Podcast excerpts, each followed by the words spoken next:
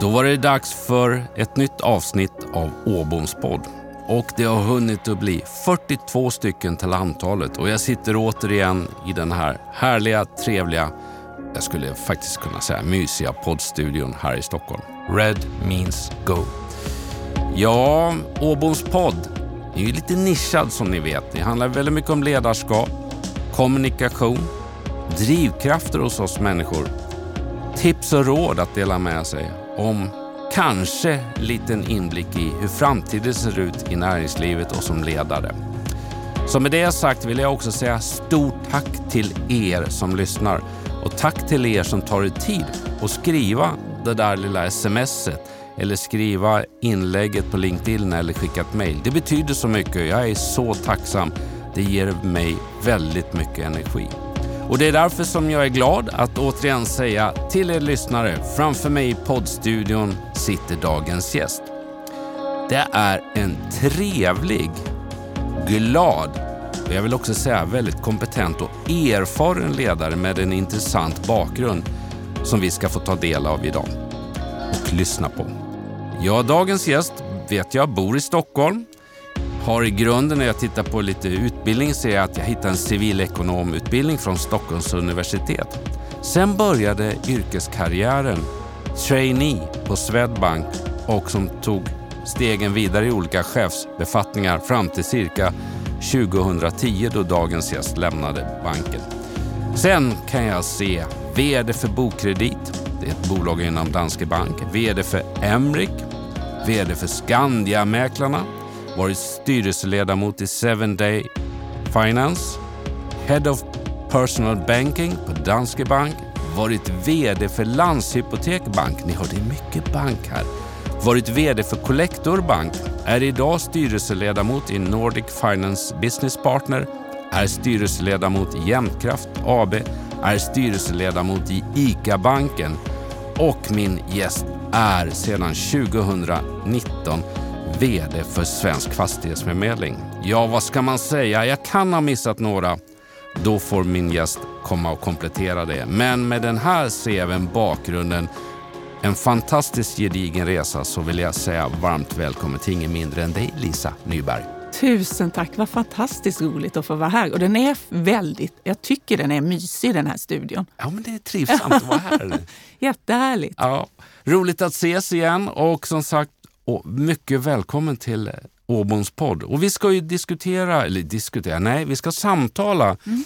eh, om dina erfarenheter. Hur är du som ledare? Vad har du med dig? V vad ser du i sättet att driva bolag, vad, bolagskompetens och så vidare. och så vidare. Det ska vi komma in på. Men det här är ju en fantastisk eh, bakgrund med eh, din karriär som du har gjort så här långt Lisa. Mm. Men det finns väl kanske lite mer eh, som vi skulle kunna bjuda lyssnare på initialt och där får du gärna säga, vem är Lisa Nyberg? Ja, jag lovar, det finns betydligt mycket mer att bjuda på än, än det du har läst upp. Eh, ja, alltså jag tycker om att börja i en väldigt viktig sak. Jag har en underbar familj och är gift med Håkan sedan 29 år tillbaka. Så nästa år är ett stort datum, då är det 30 år. Tillsammans har vi två underbara söner. Eh, Jalmar och Nils. Eh, och det här är ju liksom det viktiga i livet, min vackra fina familj. Men i övrigt så är det faktiskt så att jag är ju, jag hoppas ju att det hörs lite grann på mitt talfel. Jag är ju född och uppvuxen i Småland, i Värnamo eh, i en arbetarfamilj eh, där eh, var rätt tuff eh, historia i, i, min bakgrund där min mamma gick bort när jag bara var fyra år. Eh, och eh, jag växte upp hos min eh, moster och morbror. Eh, jag har två äldre bröder, de är rätt mycket äldre än vad jag är. Och jag kan ju säga att jag tyvärr inte längre har min pappa i livet, men han är annars en, en cool personlighet som 1967 blev lämnad ensam med tre barn. Eh, och jag kan säga, han, det var inte så vanligt på den tiden, men han var den som gjorde de bästa köttbullarna i världen. Så han fick en tuff utmaning. Eh, jag bestämde mig tidigt för att eh, jag ville, jag skulle stå på egna ben. Det var viktigt för mig. Eh, jag, var, ah, jag var väldigt duktig i skolan. eh, och bestämde mig för att det här skulle ta mig vidare och det gjorde det. Eh, och har tagit mig till Stockholm. Så det är väl och I Stockholm har jag varit i bank och finansvärlden väldigt länge, men också testa på. Det är väl, jag tror att om jag räknar rätt så är det väl mitt sjätte vd-uppdrag som jag har för tillfället nu. Så det är väl liksom lite sådana här viktiga saker, men vi kommer säkert komma in på många av de här sakerna lite mer i samtalet. Svensk fastighetsförmedling, mm. där du är vd idag. Jag tror att alla lyssnare vet vad det är, men du kan väl ändå kort ge reklam. Så, nej, men du kan väl ge en liten presentation. Vad är Svensk fastighetsförmedling? men jag gör gärna det. Eh, ja, vi har nog, eh, vårt varumärke otroligt känt. Eh, det är spontan kännedom på, ja, det en bra bit över 40 procent. Så gör man. Men det är så att jag är vd för Svensk fastighetsförmedling, men jag är också faktiskt koncernchef i vår lilla koncern som heter Översta förmedlingsbolaget. Där jag har fått ett uppdrag av styrelsen att faktiskt både bredda affären vi har idag och fundera på hur hittar vi nya intäktsströmmar? Eh, och hur kommer vår affär att se ut imorgon? Eh, Svensk fastighetsförmedling har funnits i, vi firar snart 85 år nästa år. Eh, vi har varit duktiga på att innovera. Vi var faktiskt först med kvinnliga mäklare. Vi var först med att ha söndagsvisningar och vi var en av de som var med och faktiskt satte, etablerade Hemnet och började tänka nytt utifrån det. Idag är mitt uppdrag att fortsätta att innovera den här verksamheten. Det innebär att jag idag har etablerat oss i Spanien, jag kan inte annat än le lite för jag gjorde det vid en fantastiskt bra tidpunkt. Ja, Nämligen 2020 i mars. Och då vet vi ju alla, vi behöver inte gå in på det, men vad som hände just då. Så jag hade fått två fantastiska franchisetagare, en i Torrevieja och en i Gerola, som landade i situationen där de blev helt inlåsta i Spanien. Men de har varit duktiga och ihärdiga och nu börjar vi rulla på. Nu har vi ytterligare ett kontor i Marbella. Så det är ett av bolagen, eh, Real Estate. Eh, jag förvärvade också eh, 2020, 20, eh, 20 ett, en låneförmedlare som idag är en bolåneförmedlare. Eh, för vi är ju en oberoende kedja. Det betyder att vi är faktiskt ägs av oss själva som jobbar i kedjan. Alla har möjlighet att köpa aktier i vårt koncernbolag. Eh, och då förvärvade vi en låneförmedlare. För jag vill ju att alla kunderna som kommer och tittar på en bostad ska ha möjlighet att köpa en bostad. Och då vill vi kunna ge dem ett lånelöfte oavsett om man är fastanställd, egen företagare eller något annat. Så idag har vi en palett av banker där vi kan erbjuda den bästa finansieringen till de som ska köpa. Vi är eh, nummer två på marknaden om vi pratar om vilken som är störst. Eh, och som oberoende kedja är vi det absolut största. Och det är en viktig del för oss att vara oberoende. Eh, för vi vill kunna se till att bostadsaffären blir det bästa. Ja, vi gör inte en bostadsaffär för att, någon, eh, för att vi ska kunna förmedla bolån från våra ägare eller förmedla försäkringar från våra ägare, utan vi gör affären och vi vill göra den riktigt, riktigt, riktigt bra för kunden. Fastighetsmarknaden. Ja. Jag hittade ett klipp. Mm. Mäklartopp har du som titel, Lisa. Ja, ser man på. Ja, ser man på. Mäklartoppen säger, blir ingen krasch, räkna med stigande bostadspriser. Och då tänkte jag, jag måste passa på att fråga. Mm. Eh, ska jag sälja mitt hus nu eller ska jag vänta? När är timing? Alltså det har ju, eh, de senaste åren har ju bostadsmarknaden, priserna gått upp rätt mycket vad det gäller både bostadsrätter och hus, eller hur? Mm, så är det verkligen. Nej, men, eh, jag kan ju förflytta mig till eh, de där dagarna i mars när eh, börsen vände rakt ner eh, och, och, det såg väldigt stökigt ut. Det var diskussioner om hur stor arbetslösheten skulle bli på marknaden. Eh, och jag kommunicerade ju väldigt mycket ut till våran kedja, för vi är ju en franchiseorganisation, så det är ju små, en del små egna företagare och en del ganska stora egna företagare runt om där ute. Och där min kommunikation till dem var, eh, det första jag gjorde var att säga, ni måste komma in med en likviditetsrapport. Jag måste förstå hur tufft kommer det kunna bli för er där ute. Eh, och så samtidigt så sa jag, och det gjorde jag rätt mycket i media också, och jag gjorde det internt, det var att vi ska inte ställa in, utan vi ska ställa om. För under den här perioden som kommer nu, så kommer människor vara tvungna att byta bostad.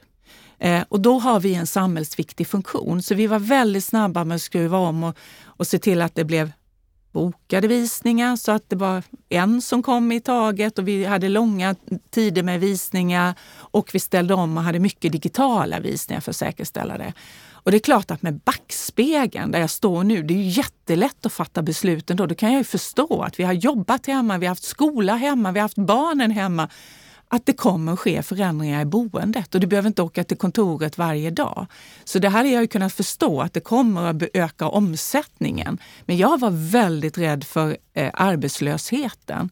Så jag har ju varit i bostadsbranschen i väldigt, väldigt, väldigt många år i olika former faktiskt och får ju, har ju fått den här frågan många gånger. Är det en bubbla vi ser framför oss? Ja, priserna steg. Det gjordes många fastighetsaffärer. Det var väldigt snabba fastighetsaffärer under den här perioden. Men det är ju trots allt att boendet är eh, en viktig sak och väldigt viktig för oss i Sverige. Och det gör ju att vissa områden går det inte att, bygga fler bostäder och vi har inte byggt i kapp. Vi blir fler och fler och vi behöver arbetskraftsinvandring, vilket gör att bostaden är liksom en viktig fråga. Eh, jag säger, skulle det komma en kris som gör att vi får en stor arbetslöshet. Vi kan titta på till exempel eh, när vi pratar om den finansiella krisen vi fick. Den drabbade ju många människor som faktiskt ägde sitt boende. Och är man tvungen att flytta under de förhållandena, då får man en påverkan på bostadsmarknaden. Det som händer nu, de som blev arbetslösa var till stor del de som inte äger sitt eget boende, så det påverkar inte riktigt. Så frågan, långt svar på din fråga, ska du sälja nu? Jag tycker att vi i Sverige har en sund syn på vårt boende. Eh, och den gör att vi har en hyfsad stabilitet. Det är att vi köper ett boende för att bo. Mm. Vi köper inte vårt boende för att det ska vara en bra investering. Sen har det blivit det för väldigt många. Men det är inte det som är drivkraften. Tittar man på, jag var ju i Danske Bank när vi fick en svacka i, i, i Danmark. Där köper man ett boende, sen köper man nästa som en investering och hyr ut och så köper man ytterligare ett och hyr ut. Så det blir, då blir det mer volatilt. Den, så marknaden. den marknaden ser annorlunda ut än ser svenska? mycket annorlunda ut än vad Sverige och likaså i Norge. Så jag tycker så här, att är det drivet av att du vill ha förändring i ditt boende, då tycker jag att det är alltid rätt läge. Men en viktig kommentar till det, det är att man ska, man ska faktiskt köpa och sälja i samma marknad. Titta, nu har vi fått lite experttips mm. också. Vad intressant. Tack Lisa. Mm. Därifrån växlar jag över till dig som ledare. Mm. Hur skulle du beskriva dig som ledare? Jag tror att eh, det, det, finns några saker som eh, är, sannolikt definierar mig. Jag är en oerhört glad människa och positiv. Eh, och det är viktigt för mig. Jag tror att det är viktigt att vi har roligt på jobbet för då presterar vi lite mer än förväntat. Eh, jag har ett stort hjärta. Jag är empatisk. Men jag är också modig och tydlig. Eh, jag måste eh, berätta det. Jag hade en medarbetare som hon sa att eh, både om hon var med någon gång in i styrelserummet och pratade och berättade så kunde hon titta på mig när hon såg att det var dags för henne att sluta prata om sitt ämne, för det ser man på mig. Det, jag har inget pokerface. Och dessutom så sa hon en annan rolig grej. Vi har en väldigt härlig relation hon och jag. Så sa hon, Lisa, jag ser på dig när du har, har tröttnat på att lyssna på mig, för jag är ganska snabb eh, som person. Eh, och då brukar jag ibland vända bort huvudet, för jag, jag tänker att jag måste få prata lite till, för jag har inte kommit till punkten. så ja, det är nog typiskt mig. Jag är snabb snabb. Mm. Och, och, det kanske är en sån där sak, egenskap som jag jobbar lite mer med. Jag får sätta mig på mina händer ibland. Mm. Vem har inte fått hålla i stolen och andas mm. lite grann ibland? Som ledare, mm. eh, vad, vad, möter du för utmaningar? Ser du skillnad? Det blir en dubbel fråga. Mm. Ett, vad, vad möter du för utmaningar? Och ser du en skillnad utifrån din första vd-jobb som är några år sedan till där idag? I att vara ja. vd eller ledare? Ja, eh, jag skulle vilja säga det, det är många skillnader i alla de vd-jobben jag har haft. Men om, om jag bara tittar på vad som är, är idag, det är ju att förändringstakten är ju så hög. Så jag, jag pratar inte om förändring utan vi pratar om utveckling hela tiden. För Eh, vi måste kontinuerligt fundera på det. Nu sitter vi mitt det gör väl många i budgetarbete. Det enda jag sa till min ledningsgrupp igår när jag lämnade var nu har vi gjort ett fantastiskt jobb och vi har försökt att sätta oss in i vad vi ska göra. Men det är viktigt att vi tänker på det, de pengarna vi lägger på att utveckla vår verksamhet. De kommer sannolikt att förändras redan under första kvartalet nästa år. Det är en, en viktig förändring för mig som ledare. Det går väldigt fort. Det är en helt ny kompetens som jag har runt omkring mig idag och måste ha en helt ny kompetens än den jag hade i mitt första ledarjobb. Eh, det är också så att det är oerhört viktigt för dem vi rekryterar idag att förstå vad är vårt why? varför finns vi? Så det var en av de första sakerna som jag jobbade med när jag kom till Svensk Fastighetsförmedling eller Översta förmedlingsbolaget. Det är att sätta tydligt och då kan jag säga att vårt why är vi ska skapa ett hållbart boendeliv genom att sammanföra drömmar och förhoppningar för de många människorna. Och då har jag med det sagt att vi går lite utanför bara bostaden. Vi pratar om livet runt boendet som vi lägger till och hållbart både ur det sociala, ekonomiska och faktiskt miljöpåverkande. Tittar jag tillbaka på mitt första vd-jobb så handlade det, då, då var det en helt annan frågeställning. Eh, det var fortfarande ty, vi, viktigt att tala om varför och det är kulturen, för den har alltid varit viktig hela tiden. Men vi var, det var på ett annat sätt. Även om vi tyckte att vi förändrade den verksamheten under de fem åren jag var vd för Bokkredit ganska mycket, så var det ändå inte i samma snabba tempo som vi gör idag. Det, det är väl den stora. Sen skulle jag vilja säga, jag har ju varit vd i olika typer av associationsformer. Eh, du och jag har ju träffats förut när jag var vd för Landshypotek som är en kooperation. Det. det. är ett typ av ledarskap och ett typ av kommunikation som krävs i det.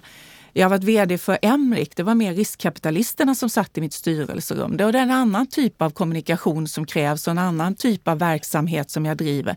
Det är lite lättare. Jag var ju vd under en period för Collector. Det är ett börsbolag. Det är en annan typ av ledarskap det handlar om och ett sätt inte mig som person, men ett sätt i kommunikationen och ett sätt i styrelserummet. Och sen så, det första var ju egentligen en intern styrelse. Så det, det skulle jag vilja säga har påverkat väldigt mycket i hur jag får driva förändring och utveckling av bolaget. Vad jag har haft för ägarkonstellation och vad jag har haft för, och vad då det har fått för konsekvens i styrelserummet. Att arbeta med mångfald ja. och jämställdhet ja. är en god investering både för arbetsmiljön och lönsamheten. Mm. Det har Svensk Fastighetsförmedling tagit fasta på och satsar på specialist, eller specialkompetens för att ta ledningen i branschen. Det där är ett citat jag också mm. har hittat. Men när man tittar och när jag hör dig berätta mm. och sen har jag också sett att eh, årets hederspris i Employer Branding. Mm. Någonstans har jag en känsla av att det här med kultur och värderingar ligger dig varmt åt hjärtat. Ja, det ligger mig otroligt varmt om hjärtat och jag tänker inte dra det som så många gör, men jag skulle vilja säga det är ju människorna. Eh, om vi har människor, jag säger det igen, som tycker det är kul att gå till jobbet, trivs och är trygga och förstår vad det är vi ska göra, då kommer en leverans som är mer än vad vi kan förvänta oss. Och om vi levererar mer än vad kunden kan förvänta sig, då, har vi, då får vi en lönsam verksamhet. Det är där det börjar. Och jag har faktiskt flera goda exempel på där jag har jobbat. I alla verksamheter jag kliver in så jobbar jag med kulturen. Den är så oerhört viktig. Eh, och jag har ju såklart satt igång även det där jag är idag. Även om jag inte kallar det att vi gör ett kulturarbete, utan vi pratar snarare om att make it happen. För det är det det handlar om. Att få människorna att faktiskt se till att vi har en, en enad syn om hur är vi hos oss? Hur fungerar vi här hos oss på Svensk Fastighetsförmedling? När jag var vd för eh, Emrik så eh, var jag ju det under den perioden när vi hade en, en, ganska tuff situation. Vi växte det bolaget väldigt mycket under de här fem åren. Eh, etablerade ny verksamhet uppe i Kalix och sådär. Men jag började direkt att jobba med kulturen. Väldigt tydligt. För jag kände att det är vi, vi, vi, respekterar inte varandra, vi förstår inte att det är tillsammans vi ska göra det här. Vi har inte liksom den här glädjen på jobbet. Och det gjorde faktiskt att när jag eh, kom till 2008, då landade vi ju i en ganska tuff kris. Eh, för då hade vi ju liksom, det var ju faktiskt en rejäl, då kom vi ju den finansiella krisen mm. och jag hade gjort en affär eh, som jag hade jobbat med länge till Island. De skulle köpa vårt bolånesystem och bygga för den isländska banken. Som var jätteroligt, men det stod ju också för en stor del av vår intäkt. Eh, jag var väldigt nöjd, för jag hade förhandlat så att eh, de skulle betala i svenska kronor.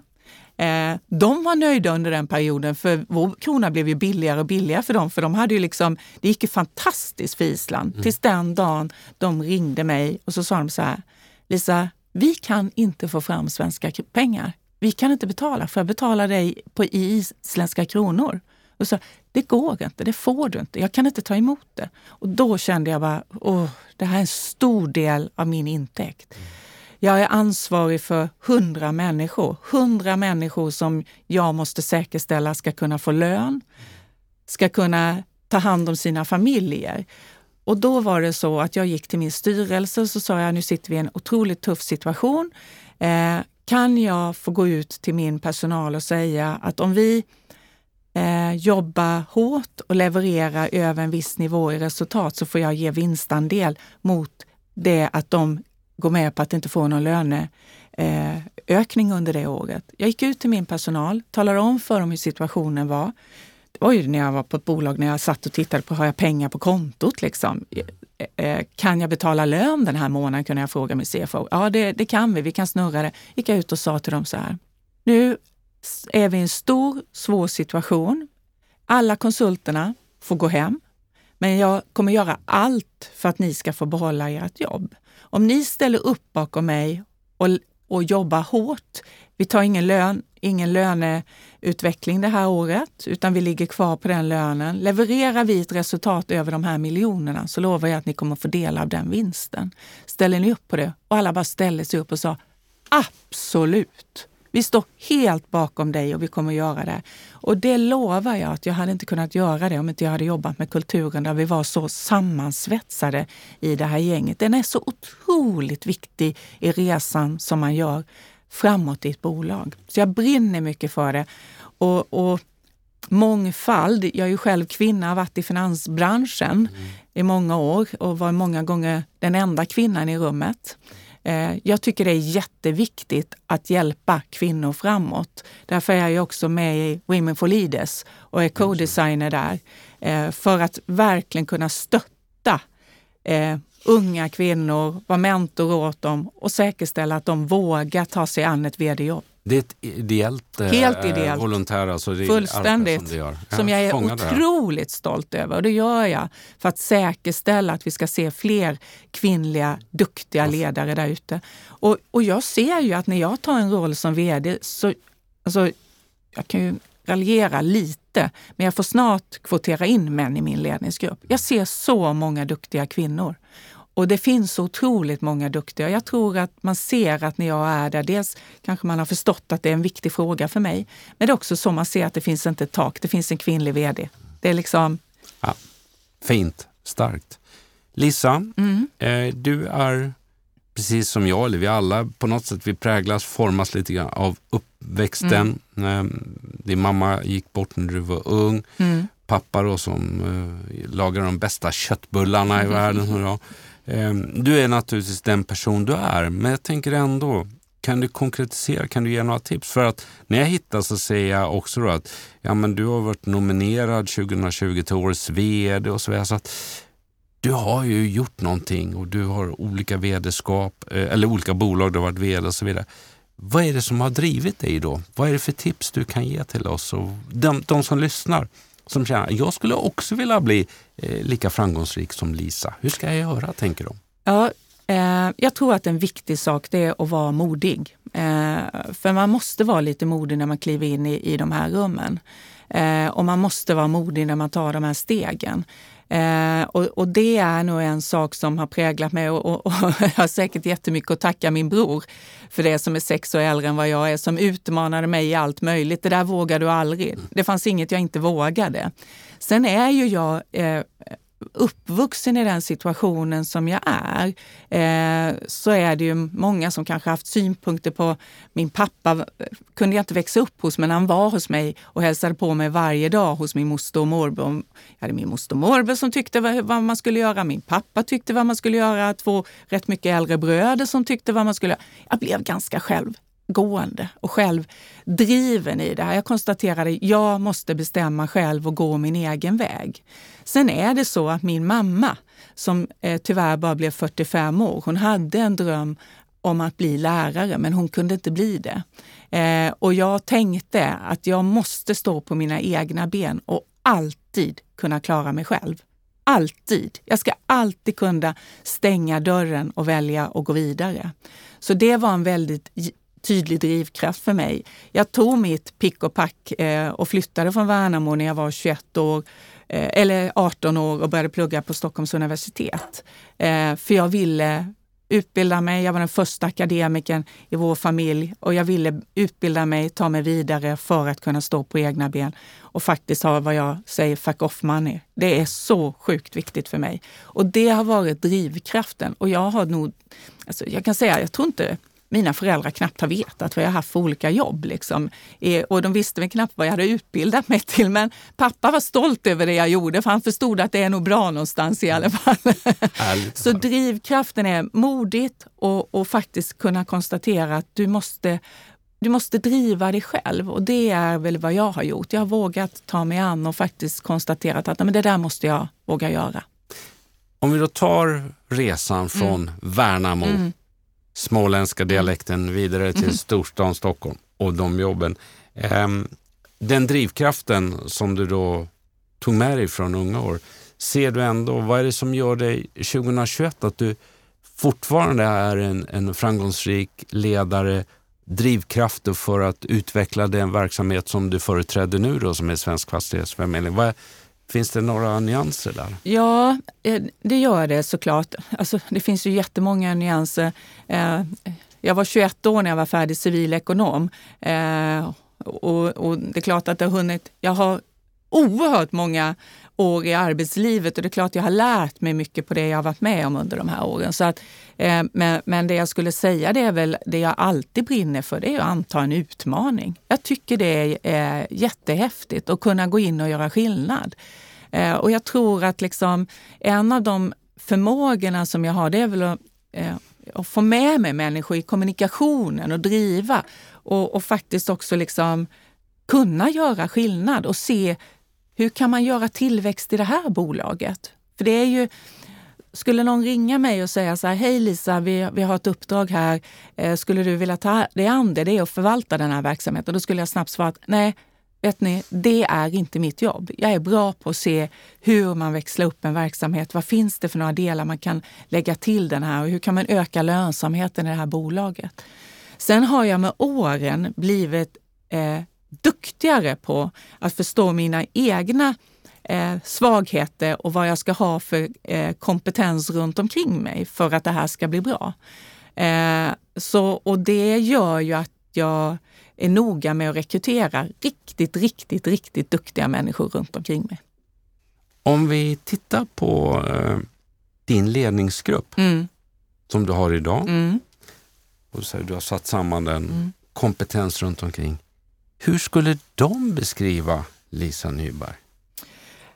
Jag tror att de skulle beskriva mig att jag, har ett, eh, att jag är empatisk. Eh, det är sällan jag talar om för någon att de har eh, det där gjorde du inte så bra. Gör jag det, då är det, då är det, inte, då är det verkligen inte bra. För jag vet att det går de hem och tänker allihopa varje dag, vad de inte gjorde bra på dagen. De skulle säga att jag är modig. Eh, och jag tror att de skulle säga att jag är jag är duktig i kommunikationen och får människorna med mig och prata om den visionen vi ska göra. Sen är jag verkligen inte i detaljer och det tror jag de tycker om. Eh, för de får själva eh, växa i, i, sin egen kompetens. Med, med en, en coachning i det såklart. Mm, jag förstår. Som ledare då, med den beskrivningen som vi tror att dina närmsta då eh, Eh, skulle säga om jag ställer frågan till dem och ditt sätt att vara, så har jag en, jag brukar fundera över och jag fick ju frågan själv när jag var gäst i podden. Är det viktigt att vara omtyckt som ledare? Hur, hur tänker du på din roll där? Och, jag menar, du, eh, du har ju olika där du har träffat eh, medarbetare som anställda. Sen har du franchisetagare som också kan vara aktieägare. Hur, det, hur funkar det där, att vara omtyckt som ledare? där? Jag, jag, tycker om att vara omtyckt. Jag tycker jättemycket om det. Men jag vet ju att i mitt jobb är det ju inte alltid det jag eh, får betalt för. Men när jag har de här svåra uppgifterna. Eh, jag, jag, kan säga att jag har ju varit tvungen att skilja människor från sitt, från sitt arbete ett flertal gånger.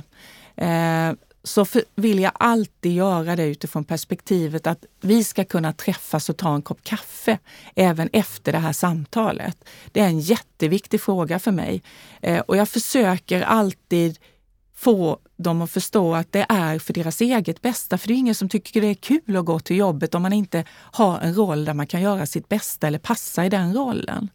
Så liksom, och det är klart att under stunder där så är det ju så att man tycker ju inte att det, att det jag gör är jättebra. Vi kan ju säga nu att under den perioden, jag gör ju en jätteförändringsresa i det bolaget jag är eh, och har försökt att ha väldigt mycket kommunikation ut. Eh, men det var, blir ju lätt en monolog där jag sänder och vi sänder från, från liksom ledningsgruppen och vi som jobbar med liksom utvecklingen av bolaget. Och det är svårt att hitta dialogen riktigt i, i det vi har varit när vi inte har fått träffas. Och, och då, då kan jag tala om att eh, i, ja det var väl i våras någonstans, då var många franchisetagare som var ganska arga på mig. De tyckte liksom, vad håller du på med? För det har varit svårt för dem att fatta vad det är jag bygger. Eh, och där har jag stått på scenen i, i över två år och pratat om hållbart boendeliv. Varför pratar de om det? Skicka leads, vi vill sälja bostäder. Mm. Eh, och så nu börjar man se att ja, men nu har vi satt, liksom, vi har köpt en, en låneförmedlare, en bolåneförmedlare har vi blivit idag som kan liksom se till det, vilket underlättar deras dag. Vi håller på och, och bygger med kompetenser på ett helt annat sätt. Och vi bygger med kulturarbetet. Vi tittar på liksom hur ska kommunikationen vara runt vårt varumärke. Och nu börjar de se helheten av det vi gör. Och då börjar de fatta, aha, det var det. Många av mina franchisetagare där ute är ju så i deras vardag. Deras en del är, har större bolag, de tänker lite mer strategiskt. En del har lite mindre bolag och tänker mer eller mindre liksom, hur ska vi leverera bostäder den här månaden? Så det har varit, och då, då har jag tyckt det varit jobbigt. Det som har varit skönt det är att jag haft styrelsen med mig hela den här resan. Och då har jag inte varit omtyckt, det kan jag säga. Det var något tillfälle när jag hade fått, om jag hade stått på scenen live hade jag nog fått tomater kastade på mig. okay. Ja, det det är ju en utmaning i olika förändringsresor man gör och innan det landar. Men jag tänker då på när du har varit VD i en bolag där det inte har varit om man säger franchisetagare, alltså egna företagare där plånboken sitter väldigt nära hjärtat och säger ge mig leads. Utan du har haft hundra, flera hundra anställda och där du har på ett annat sätt kunnat kommunicera. Det måste ändå vara skillnad i ditt sätt att vara ledare och kommunicera, kommunikation Lisa. Ja, det är det verkligen. Det är klart att det är lättare att tala om för någon vad de ska göra och, och, följa upp dem att de gör det. Om det är så att jag kan säga att du har förmånen att göra någonting annat om du inte gör som jag säger.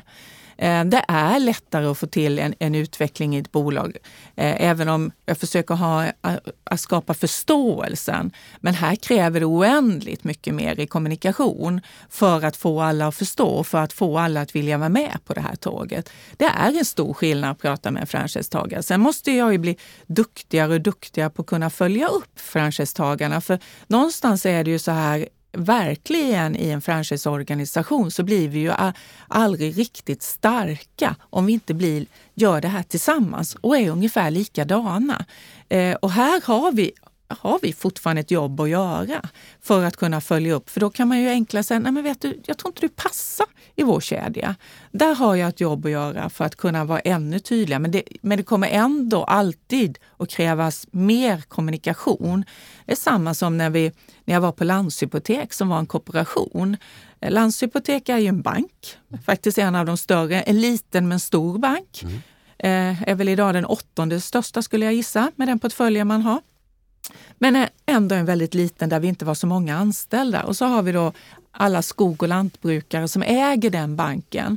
Eh, och så har vi en styrelse i ekonomiska föreningen som äger banken och sen har vi en bankstyrelse. Det är klart, när jag kom och tyckte att vi skulle göra en förändring och gå och faktiskt ge, erbjuda bolån till de som hade ett vanligt hus så tog det en väldigt lång tid i den kommunikationen för att få alla ägarna att förstå. För att få den ekonomiska föreningen för att kommunicera ut till region eh, styrelserna och få dem att förstå. Så då kräver det ett annat sätt att anta sig den utvecklingsresan för att få dem att fatta att det här är nödvändigt för att vi ska finnas imorgon. Vad kan du dela med dig av då för konkreta tips till mig och mina lyssnare på kommunikation? Vad ska vi tänka på? Jag menar, kommunikation är svårt. Jag måste försö alltid försöka förstå, vem är mottagaren av den här kommunikationen? Vem är det jag ska prata med? Och hur pratar jag med dem? Eh, och det är klart att pratar jag med skog och lantbrukare som är otroligt skickliga företagare, för de som överlever i den branschen idag är skickliga företagare och hög teknologi och allt det. Men jag måste fundera på hur mycket kan de om bank? Och då måste jag försöka förklara bank till dem så att de fattar vad det är vi gör. Jag kan ju inte komma dit och säga, hörni nu så har Finansinspektionen sagt att vi behöver kapitalkraven kommer öka. Och vi, liksom, det funkar inte. Utan kommunikationen måste ju vara så att mottagaren förstår vad jag säger. Och det tror jag är...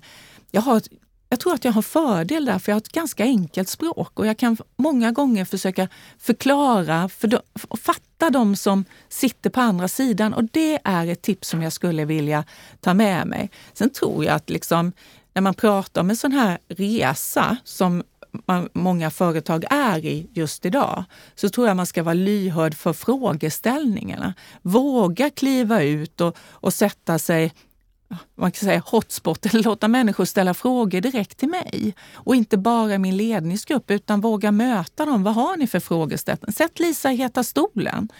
Det har jag försökt att göra så att man ska kunna ställa alla de där frågorna som man har där ute så att det, man får liksom upp det på bordet och det kan vara högt och lågt. Det är också ett tips som jag skulle vilja ge den här resan man gör.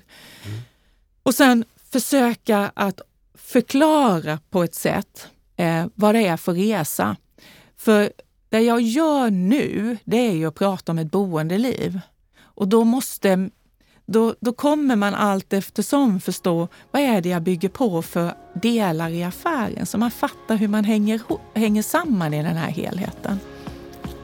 Tack för tipsen. Jag har noterat. Ja, varsågod. Men... Hoppas de kan vara till nytta. Absolut, vi ska summera dem sen. Du lyssnar på Åboms podd. Åboms podd är producerad i nära samarbete med tidningen Butikstrender Sveriges största branschmagasin för dig som jobbar i dagligvaruhandeln och servicehandeln. Styrelseinstitutet. För dig som önskar hjälp med utbildning och rådgivning inom styrelseutveckling och bolagsstyrning. Och Red Means Go. En professionell studio för poddar och ljudböcker med personligt engagemang. Utöver att du är en gedigen Eh, ledare, alltså erfarenhet, gedigen bolagsledare, VD, hela, så har du ju en gedigen bankerfarenhet. Nu blir jag lite så här, men bank, är det verkligen kul? Alltså, det är jag... väl bara massa rapporter och skicka in papper till Finansinspektionen och så vidare. Och så vidare. Med lite glimten i ögat. Ja, jag ser att du har det och jag skulle bara vilja säga, ja, jag tycker bank är vansinnigt roligt och det tycker jag för att det är så komplext det finns en enorm komplexitet i det. För någonstans så måste vi ha kunden i perspektivet. För det är ju liksom, vi tar hand om kundens pengar i många fall. Vi hjälper kunder till utveckling. Vi hjälper företag till utveckling. Vi är en viktig del i samhället och stabiliteten. Det är liksom, och göra det under, med de förutsättningar där det kommer nya regelverk på nya regelverk på nya regelverk och ha en förståelse för regelverken och regelverkens påverkan på kunden. Jag tycker det är en härlig komplexitet i det som jag tycker är vansinnigt roligt. Eh, och i det här så får man då förmånen att jobba med otroligt smarta människor, för det krävs mycket kunskap. Sen kan man ju säga så här, bank har ju under alla de det är väldigt många år sedan jag klev in på bank första gången. Mm. det var 1984. Och den har förändrats väldigt, väldigt mycket. Jag vågar knappt ens säga hur vi tog reda på om du hade betalat dina räntor och sådär. Men i alla fall. Bankbok, Nej, klämma sparbössan eller hur var det? det var precis så. Ja. Men i alla fall, den har ju förflyttats och kompetensen har ju förflyttats på vad man behöver ha på bank. Idag har ju Eh, Eh, jag vet ju till exempel, tittar man på någon av de större som Swedbank, idag sitter det väl typ 1500 personer som jobbar med riskfrågorna i den banken. Så såg det ju inte ut. Jag tittar på när jag var på Landshypotek. Det var ju, vad, vad var vi eh, innan jag lämnade? Vi var knappt 100 personer. Liksom. Vi hade ju, vad hade vi då? 10-11 personer som jobbade med risk och compliance-frågor. Och det är ju en helt annan kompetens. Det är ju liksom matematikerna, sjukt duktiga matematiker som jag måste ha förtroende och lita på som rapporterar risken till mig samtidigt som jag då försöker göra någonting bra för kunderna, för Sveriges lantbrukare och sådär. Så att jag tycker att det är en väldigt, väldigt rolig business. Den är komplex, jag gillar det. Du gillar det. Jag kan säga till er lyssnare, jag har två pigga ögon framför mig. Jag har ett kroppsspråk som eh, påvisar engagemang och, och eh, energi, eh, så ni vet det, vad som händer här i poddstudion. Och då Lisa Växle, alltså hur, hur laddar du dina batterier? Om jag får vara lite mer då och lämna CVt och så pratar vi om dig som person. Hur laddar du dina batterier när du kommer hem en fredag? Eller, ja, vad gör du som gör att du orkar? För du, du är uppe och spelar match liksom väldigt många dagar i veckan, eller hur? Så är det. Nej, men, och, och det där, vad som håller en uppe och vad som gör liksom, eh, vad jag, det har ju också med faserna i livet att göra.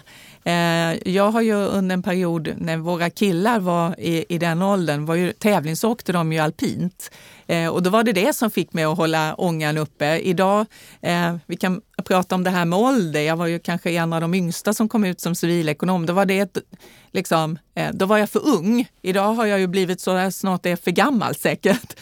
Även om jag tycker ålder är det sämsta beviset på vad man kan prestera. Men idag, när våra söner inte bor hemma längre, så har jag och min man fått återuppta det vi tycker är en fantastisk sak och det är ballett och opera. Nu har vi inte kunnat gå på det under en period och eh, vi har inte heller kunnat resa på det sättet. Annars älskar vi att, resa och kombinera det med att kunna få besöka ett operahus och se någonting fantastiskt. Men en av de viktigaste faktorerna för att jag ska orka ha energi varje dag, det är att eh, klockan 6.00 så är jag på gymmet varje dag. Inte 6.00 på söndag, lördagen och söndagen, då går jag lite senare, men jag tränar sju dagar i veckan. Ja, men nu lägger jag ner pennan och tycker, sju dagar i veckan? Lisa, hur, hur, hur är, då tar jag frågan innan. Hur får du energi till att, att gå till gymmet klockan 06.00? Det är en prestation bara det. Nej, det är inte så stor prestation tycker inte jag. Men det, det handlar ju om att nej, men ibland så kan jag ju känna sådär, ah, jag är nog trött idag. Men jag vet ju att, att sova en timme till ger mig inte den energin som när jag går till gymmet en timme och träna. För då har jag endorfiner och då är jag verkligen redo att ta mig an det. Och det som är det fantastiska, det är liksom att, att jag och min man, vi har ju den här rutinen och gör ju faktiskt det tillsammans varje morgon. Och det är lite härligt. Vi kliver Så han är med också och tränar? Vi kliver upp, 5.20 ringer klockan. Vi hinner ta någon kopp kaffe, klä på oss, göra oss i ordning, bädda sängen och sådär, du vet som man gör. Och så ja. promenerar vi över, vi har fem minuters promenad till gymmet och så är vi där en timme, sen går vi hem och duschar och då är jag redo för dagen. ja, jag är djupt imponerad eh, att just göra det på det sättet. Men är det inte, jag, faktiskt, jag har en period just nu då jag har inte är liksom i den operativa stolen på det sättet. Och jag powerwalkar ju fem till sex dagar i veckan just nu. Och jag kan väl tänka mig, för att de dagarna då jag inte gör det eller jag inte hinner, då blir det, känner jag en saknad. Och det är klart, när du har fått in den rutinen du har, eller ni har, då blir det ju en saknad. Alltså det blir ett gift, man måste göra det på något sätt. Det är verkligen så. Eh, händer det någon gång, vilket är ytterst sällan, som jag säger, äh, eller att jag inte hinner för jag har så tidigt möte eller något sånt där. eh, då är det en saknad. Det, det, känns i hela kroppen och själen att jag har inte fått det där som jag behöver på morgonen. Och så växlar jag lite styrka och kondition för att liksom, se till att jag ska hålla länge. Och en fredagkväll sen då? För då går du väl inte till gymmet igen? Nej, då går jag inte till gymmet igen. Utan då är, är det en perfekt fredag, då får jag ju gå, som förra fredagen, då fick vi gå till Operahuset och titta på en, en fantastisk ballett. Den är ju magisk. Då är det liksom, då kan jag glömma allt. Det är helt underbart. Det ser ut som du drömmer dig tillbaka mm. till när jag ser det.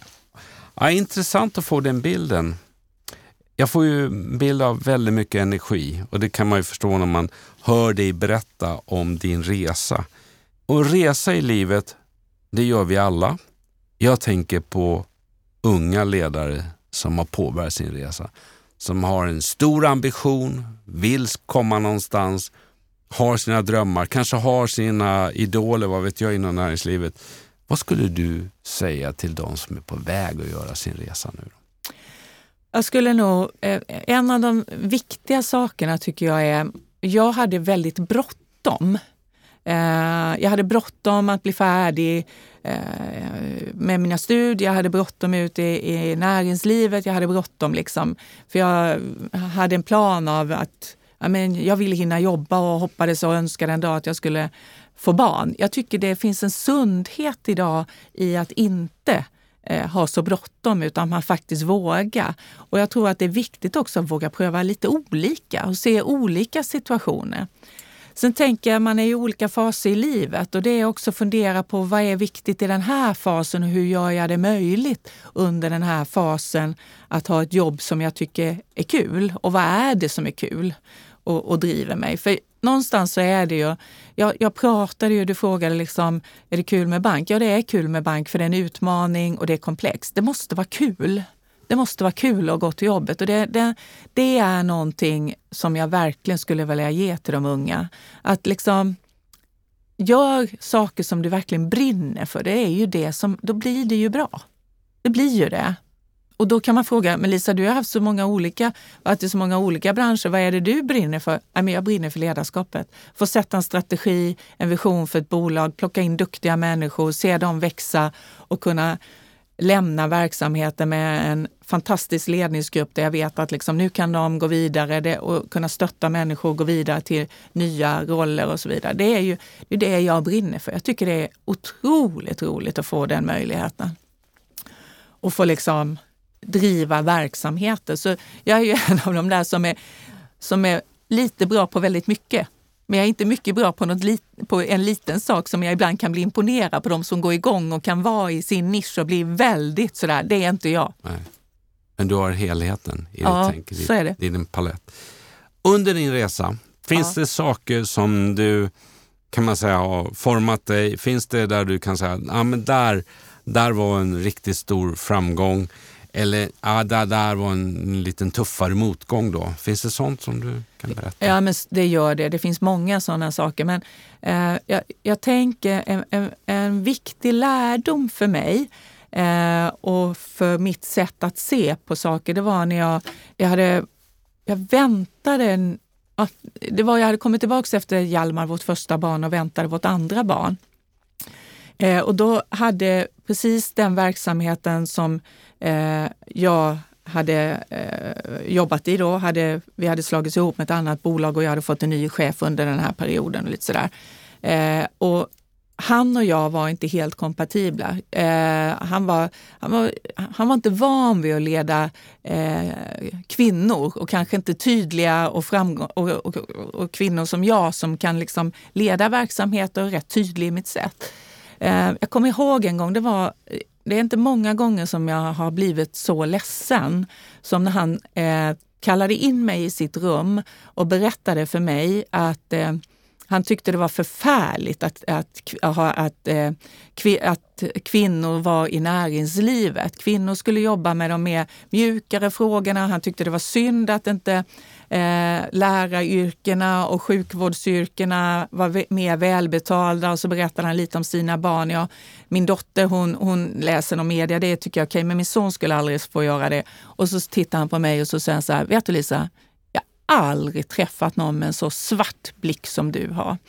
Eh, och så tryckte han till mig ordentligt och jag lämnade det rummet, gick ut därifrån och faktiskt gick rakt in på toaletten och grät. Eh, det var det, och då tänkte jag så här att någon gång i mitt liv så ska jag, kunna, ska jag ge igen. Jag gjorde naturligtvis så att jag gick och, och pratade med, med, med eh, min HR-chef och sa jag måste ha ett annat jobb här. För eh, vi, vi kommer inte överens och kommer man inte överens med sin chef så vet ja. jag vem det är som ska gå. Mm. Eh, och, och, så gjorde jag det. Jag bytte jobb och såg till att jag fick en, en bra ledare igen. Men åren gick och inte så många. Så eh, blev det lite förändringar och organisationsstruktur och sådär. Så helt plötsligt var jag hans chef. Och då behövde jag inte ge igen. Och det har jag lärt mig. Att man måste, man vet aldrig i vilken situation vi träffas nästa gång. Sverige, alltså Sverige är litet, Stockholm och branscherna är otroligt. Så man ska ha det med sig. Man vet aldrig när vi möts nästa gång. Det var en sån lärdom, men det var jätte, jättetufft för mig. Jag var rätt ung då och det var en jättesvacka. Sen har jag en... Men får jag bara säga, ja. tack för att du delar ja. För den är stark, den ja. upplevelsen. Och förstå att sånt kan hända. Oerhört tragiskt att höra. Men tack för att du delar den. Och vilken klokskap när du sen, just att ja, man vet aldrig var man träffas igen och sen blev du den här personens chef på ett annat. Mm.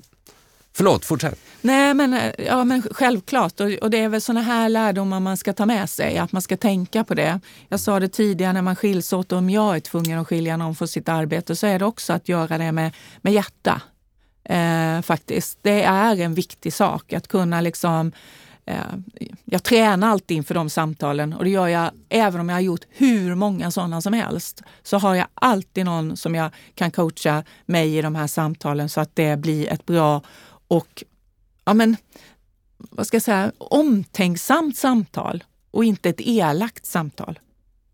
Jag har ju ganska nyligen, för det, det kan ju inte låta bli att sitta i en podd så här och, och inte berätta att jag också ganska nyligen eh, blev ju, hade ju en rätt tuff resa. Det var ju faktiskt när eh, jag inte fick vara kvar på Collector Bank. Eh, jag tyckte det var eh, jätte, jättetråkigt. Eh, och det, är, det tråkiga i det är ju naturligtvis att komma ut från ett samtal med styrelseordförande och jag var överens om hur kommunikationen skulle vara och vi skulle hålla oss väldigt kort och så hinner inte jag mer än ut genom dörren för jag läser i media hur kommunikationen är, att jag är en dålig ledare och jobbet var för stort för mig och lite så. Och det gjorde jätteont. Det, det var det var en fruktansvärt eh, liksom. Eh, för jag hade tyckt det varit kul att få göra den resan. Mm. Eh, å andra sidan så vet jag att liksom, vi, vi blev inte så bra som jag trodde det skulle bli. För när jag blev, eh, fick frågan om jag ville ha det jobbet så sa jag först eh, till headhuntern att nej tack, jag ska inte ta det jobbet. För jag, jag, jag, tror inte att det är något bra jobb för mig och jag är inte säker på att jag och ordförande kommer att funka optimalt. Och så ringde de mig efter någon vecka igen och sa snälla du har ju den perfekta CVn, kan du inte ta det här? Och så träffade jag eh, en av de stora ägarna och, och ordförande och så pratade vi och så kände jag, ah, men det här känns galet bra, vad roligt det här ska få bli och liksom sådär. Men det blev inte så som jag hade tänkt mig. Vi, vi hade olika syn på hur, hur man driver verksamhet och, och jag kan konstatera att jag hade för mycket erfarenhet som vd och ledare för att eh, inte få göra det. Och för mig är ju att få göra det på mitt sätt. Liksom det är, det är, jag är Lisa Nyberg och man får Lisa Nyberg. Det är liksom inget annat. Jag kan inte göra om mig. Mm. Kulturen är viktig för mig. Ledarskapet är viktigt. Tilliten i min ledningsgrupp är viktig. Det är viktigt att involvera och driva medarbetarskapet i hela organisationen. Och det, jag brinner för sånt. Och, och det må, jag tycker att när man har, du har ju läst lite grann om mig och kommit fram till att så är det. Och jag tycker att det är en tydlig del i min CV. Så att det, det var en, en, väldigt, det var en lärdom. Mm. Jag skulle inte vilja ha den ogjord, men det var en lärdom. Den var jättetuff. Idag så är du ju då inte bara VD, Nej. du är ju också styrelseperson. Mm. Och med tanke på det du precis har berättat då, mm. hur, hur balanserar du då dina erfarenheter och hur tar du med dig dem in i styrelserummet? För att både du och jag vet, ju, jag har ju också några vd-uppdrag, så man vill ju inte ha någon överrock eller man vill ta det här ansvaret och det ska finnas en tydlighet med vad styrelsen och vd ska Hur balanserar du det? Ja, nu är det ju lite olika uppdrag i, i de som jag sitter i och det är det jag tycker är kul då, för jag får vara med i rätt många spännande verksamheter. Men jag kommer på mig själv i styrelserummet att jag tänker, åh stackars vd. Eh, när någon av oss ber om ytterligare en rapport eller skära rapporten på ett annat sätt. Så det har jag väl med mig in i styrelserummet. Men jag försöker att också kunna vara tillgänglig i det jag vet som är kanske varför har man plockat in mig i den här styrelsen och vad är då mina kunskaper? Kunna bistå och hjälpa till med de frågorna och faktiskt också kunna vara tillgänglig för vd om man vill ha eh, en dialog. Nu är det ju inte ofta som vd tar en dialog rätt in om man inte är ordförande, men ändå. Mm. Så eh, det är den erfarenheten som jag tar med mig in. Och sen är det, jag fattar ju ganska mycket av hur en vd har det idag och vad det är för frågor på bordet och vad, vad blir viktigt i de frågorna. Eh, så jag, jag tror att det är en enorm styrka eh, att, som jag har när jag kliver in i ett styrelserum eh, att jag har varit vd för så många olika typer av verksamheter och kan förstå lite komplexiteten i de olika delarna och kan förstå vd, vdns roll också och den resan de behöver göra. Eh, det är en fördel av att vara vd när man, är i ett styrelse, när man sitter i en styrelse. Absolut. Ja, för du har olika ansvar, du har olika frågor. Mm på bordet och du har olika roller. Så är det verkligen. Så är det verkligen. Så, så det är väl sådana saker som, som jag tar med mig in. Sen är det ju viktigt att agera som styrelse och förstå vad uppdraget är utifrån en styrelse. Vi har ett, ägar, ett ägarkrav på oss och ägaren har gett direktiv för vad som ska levereras i den här verksamheten. Och det är ju det som jag ytterst har blivit tillsatt att faktiskt leverera på och se till att vdn har förstått att det här är ägardirektivet och att leda och guida så att vi landar rätt i det. Om jag tittar in i din kristallkula, mm. vad hittar jag dig om några år? Nu är det inte så att mm, dina uppdragsgivare på Svensk Fastighetsförmedling ska tro att du jag vill bara säga det. Men, men var i ditt sätt att driva, leda, var, vad ser du själv framåt? Nej, men eh, jag hoppas ju då att inte det är så att man säger att jag är för gammal, så att man förstår Nej. att åldern är liksom bara en siffra. Det handlar inte om vad man kan prestera. Det handlar inte om det när man är ung och det handlar inte om det när man är gammal. Så att har jag förmånen så skulle jag vilja ta mig an ytterligare en förändringsresa i ett bolag. Hitta en verksamhet där jag ska få driva en tillväxt. Eh, och jag har ju fått förmånen att, att lära mig hur man driver en tillväxt i det samhälle vi är idag. Det är ju inte en industrialisering utan en digitalisering. Och det är ju den förändringsresan som jag har kunnat göra i ett antal olika verksamheter. Och det skulle jag tycka var jättekul att få göra ytterligare en gång. Sen tänker jag väl någonstans att eh, vid något tillfälle så kanske det är så, eh, och det är säkert förhoppningsvis 10-15 år bort innan jag säger att nej, men nu kanske jag ska få vara och ägna mig åt att eh, sitta i styrelse och få bidra med den kunskap jag har skaffat mig under de åren som vd. Men jag skulle vilja ha ett eh, Eh, Eh, göra en ytterligare resa. Men med det sagt så är jag mitt inne i en spännande resa. Eh, och är, eh, när jag kliver in som vd så är det ju många gånger så här, man gör sitt första år där man sätter sin strategi, man börjar rekrytera människorna, man börjar jobba utifrån strategin. Eh, andra året, tredje året börjar man se lite effekt, men fjärde året kommer det ordentligt och femte året är det dags att kanske utvärdera, behöver vi ta nästa resa?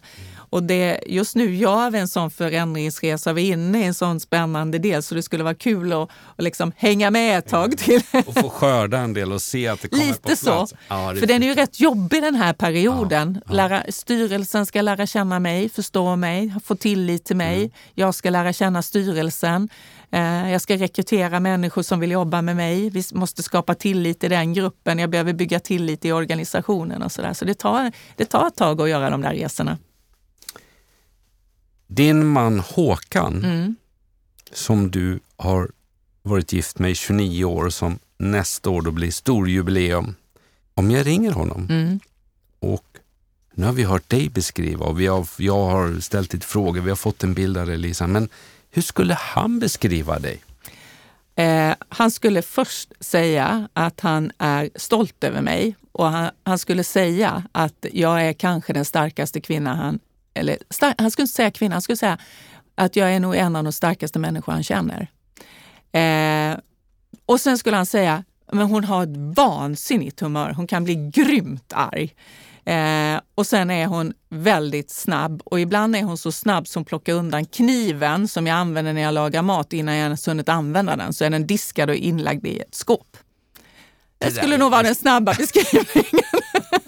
Men han skulle säga att jag har ett eh, oerhört stort hjärta för familjen och familjen är kanske av förklarliga skäl om min barn, eh, barndom så är familjen vansinnigt viktig för mig. Våra söner eh, är jag, månar jag oerhört mycket om. Så det, jag tror att det är den beskrivning han skulle säga. Lisa, ditt skrivbord, är det rent? Nu är ju jag så elak så vi har aktivitetsbaserat så jag sitter ah. mitt ibland all personal. Mm. Eh, vilket innebär att jag blir jättearg om jag är sist på kontoret och konstaterar att man inte har plockat undan efter sig. Men det är bra för då är jag ju ensam där, för jag blir sällan arg på min personal. Mm. Ja, det är rent. Men det kan vara stökigt i skåpet bakom. Men det kan man stänga för och ingen riktigt ser, eller hur? Precis så. Ah, kan förstå det. Ja. Sen skulle ju säkert maken säga så här. Hon blir galen om inte bilen är ren och jag har lämnat något i bilen. Det, det, skulle han säga och det skulle nog sönerna göra också. Har de lånat eh, min bil så måste den vara klinisk. Lyckas du med det? Ja. Bra. Jag kör, alltså jag, jag gillar inte när det är grus i bilen. När det är någon som glömmer det. Äh, saker, nej, så vi är 100 procent lika där. Putsar du fälgarna med tandborste då? Eh, jag har diskborste. Ja, det har jag. Det ska jag villigt erkänna. Har du kört in bilen i en biltvätt? Eh, ja, men utan borstar. För jag, när jag bara vill få den som snabbast. Då, det har det har hänt. Men annars eh, gör jag det själv. Det har jag aldrig gjort. Du har inte det? Ni hör, kära lyssnare, det kommer mer och mer här beskrivning. Du får en bra och en härlig bild av dig som person, men framförallt får vi ju en, en fantastisk eh, stund tillsammans där du berättar om din resa i livet och vad som har format dig och, och tagit dig dit du är idag Lisa. Du pratade väldigt varmt när vi började samtalet för lite över en timme sedan om en underbar familj. Gift med Håkan, ni har två barn. Som, som jag sa nyligen, snart är det 30 år i bröllopsdag. Du har växt upp i Värnamo, du förlorade din mamma i unga år och har bott hos fast... Moster. Moster var och morbror. Och, men du har en pappa som ändå har varit där och som lagar de bästa köttbullarna i världen. Och tyvärr finns ju inte han heller i livet längre. Nej. Men så är det ju. När, så är det. Liksom, när de, de det tar sig i alla fall i, i rätt ordning. Rätt ordning, helt rätt. Duktig i skolan, tog dig till Stockholm, studerade väldigt tidigt på Stockholms universitet. Idag är du VD för Svensk Fastighetsförmedling där det till och med finns en, en, en koncern där det heter Översta Fastighets... Översta Förmedlingsbolaget. Översta Förmedlingsbolaget. Snart 85 år och där får du jobba med utveckling. Men du har en gedigen kompetens från bank och finans kring de här delarna. Och det du pratar om, ja men som person, din egen beskrivning är att du är oerhört glad, oerhört positiv, du har ett stort hjärta. Du är modig och tydlig, snabb. Det hörde vi även nyligen. Eh, och så har du inget pokerface och du bjöd på, på den relation du har med din medarbetare om det, Lisa. När vi pratade om dina första uppdrag till det som är idag så pratade vi om den höga förändringstakten.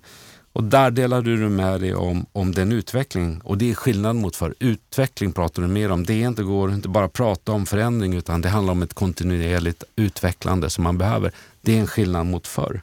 Var duktig med att fundera på varför finns vi? Att få ut det i koncernen, att få ut det hos medarbetarna. Och inte minst när man rekryterar in nya så att man verkligen säkerställer att man får in rätt personer, kompetens, men personligheten som förstår de här delarna. Du pratar om kulturen, ja men det är människor. Kulturen, ja, den är alltid viktig. Och det gillar jag när man, när man kan man säga, googlar om dig då och läser. Och vi har varit inne lite grann på det med, med eh, mångfald, med, eh, med ledarskapet, med värderingarna, ditt sätt att tänka i de här delarna. uh, employer branding. Det förstår jag att den finns med. Vi har också pratat om de olika ägarformer du har haft och att det kräver olika av en person som vd och ledare, vilket vi ska ta med oss beroende på om det är en kooperation, ett aktiebolag, börsbolag, eh, familjebolag och så vidare i de här delarna. Eh, du gav oss en intressant erfarenhet där vi fick lära oss om den svenska kronan jämfört med den isländska kronan och hur du skulle hantera det, nämligen när du gick ut till alla medarbetare och fick dem att göra ett commitment. Jag kan säga Lisa, det, det får man inte om inte medarbetarna tror på dig, som, vilket man gjorde det. Och det hade du grundat för. Grundat för. Det var inte en tillfällighet. Stor erfarenhet av att vara VD respektive styrelse och också väl grundat idag kunskap om vad är skillnaden i, i de här rollerna. Tips till oss är att vara modig. Du behöver också se till att du är självgående för att klara av resan och se till att du har det som behövs för att kunna stå på egna ben. Det är liksom några tre grundfundament du har i karriären. Du gillar utmaningar Lisa. Du gillar att kunna göra skillnad och du gillar att få jobba med förändringsresa. Det finns en eh, ledningsgrupp runt dig idag och när man pratar om vad deras omdöme om Lisa är så säger Lisa att ja, då skulle du säga att jag är empatisk, jag är modig, jag är en kommunikatör och jag är inte nere i detaljerna. Kommunikation då, som vi landade på, som då vi var rollen till att vara kommunikatör som en del av VD. Ja, men vem är mottagare skickar du med som ett tips. Tänk på det. Se till att det är ett enkelt språk. Våga dessutom att sätta Lisa i heta stolen och se till att din kommunikation hänger samman så att mottagaren förstår de här olika stegen. Eh, sen var jag lite på dig med bankfrågan och då säger du bara klockrent, bank är kul och det, du gillar att det är komplext och det skapar, det förstår vi det här med utmaningen. Tips till de unga, ha inte så bråttom. Livet, ibland kan man säga att det är kort, men det är långt yrkesliv. Du hinner med. Bestäm dig för att gå igenom och analysera vad är viktigt i den här fasen du befinner dig just nu och se till att ha kul när du går till jobbet. Det är kul att gå till jobbet, det är viktigt. Det var tre tydliga tips. Du brinner för ledarskap, du brinner för strategier. Jag har lagt till, jag har fått förmånen att träffa en bolagsledare, en, en styrelseledamot från olika roller som dessutom står för värderingar, som har en värme och ett om, en omtanke eller omtänksamhet. En person som vill något och så känner jag att det är en person som jag får träffa som är trygg och som är tydlig. Och då menar inte jag tydlig med att peka med hela handen, det kanske också gör, eller, men du är bara tydlig hur du tänker. Det blir enkelt. Laddar dina batterier gärna genom att gå på, och det här är jobbigt, 06.00 gymmet sju dagar i veckan. Nej, inte 06 då på lördag och söndag. Oerhört eh, imponerande. Dessutom gillar du balett och opera. Så det finns livsnjutning i Lisa Nyberg som person också. Det fick vi med. Tack för att jag fick ha dig som gäst i Åboms podd, Lisa. Ja, men det är jag som ska säga tack. Tack snälla för att du ville ja, ha mig här som gäst. Det har varit otroligt roligt att få prata med dig och det är det som jag tycker är det viktigaste när jag säger om ja till att vara med i en podd. Det har varit ett jättehärligt samtal. Tack! Jag håller alla tummarna för den förändringsresa du leder med eh, med Svensk Fastighetsförmedling men också styrelseuppdragen du är i och ska bli spännande att se framtiden. Låt oss ha kontakt och se vad, vad som är och dela kloka reflektioner som du nu har gjort till mig och mina lyssnare. Så allt gott till dig. Jag önskar dig en fortsatt bra vecka. Tusen tack.